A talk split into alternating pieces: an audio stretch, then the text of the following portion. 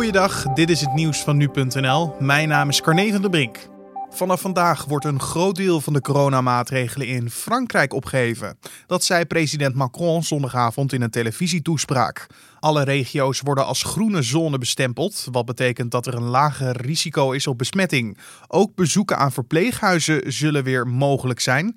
De grenzen gaan ook weer open voor inwoners van de Europese Unie. En verder kan de horeca in en rond Parijs weer volledig open. Vanaf 22 juni mogen ook de meeste scholen weer open. Grote bijeenkomsten blijven voorlopig nog wel verboden. De politie in Den Haag heeft zondagavond een protest tegen onder meer de anderhalf meter samenleving en antifascisten beëindigd. Bij de demonstratie op het plein in Den Haag waren ongeveer 350 tot 400 mensen aanwezig. Onder de aanwezige demonstranten zouden veel ADO- en Feyenoord-aanhangers zijn geweest.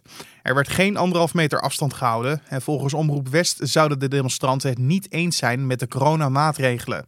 De bijeenkomst werd na ongeveer 20 minuten beëindigd door de politie en er vonden geen incidenten plaats. Volgens vakbond FNV hebben nachtwerkers bij Tata Steel in de nacht van zondag op maandag opnieuw hun werk stilgelegd. Het is de derde dag sinds woensdag dat medewerkers van het staalbedrijf staken.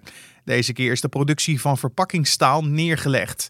Het is al tijden onrustig bij de staalfabriek in Amuiden. Het Indiaanse moederbedrijf Tata zou tot duizenden banen willen schrappen bij de Europese staalbedrijven.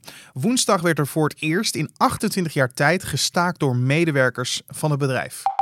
Premier Stefan Löfven van Zweden heeft zondag de Zweedse aanpak van het coronavirus verdedigd. Dit tijdens een interview. Zweden is inmiddels wereldwijd bekend om de relatief soepele regels die het land instelde rondom het coronavirus. Gekozen werd om de samenleving relatief open te houden, maar kwetsbare groepen te beschermen. Volgens de premier is de oversterfte in Zweden normaal voor de tijd van het jaar. En er speelt bij het aantal doden dat een land heeft ook mee hoe het land de cijfers bijhoudt. Grotere testcapaciteit zou hebben geleid tot een toename in het aantal bevestigde besmettingen.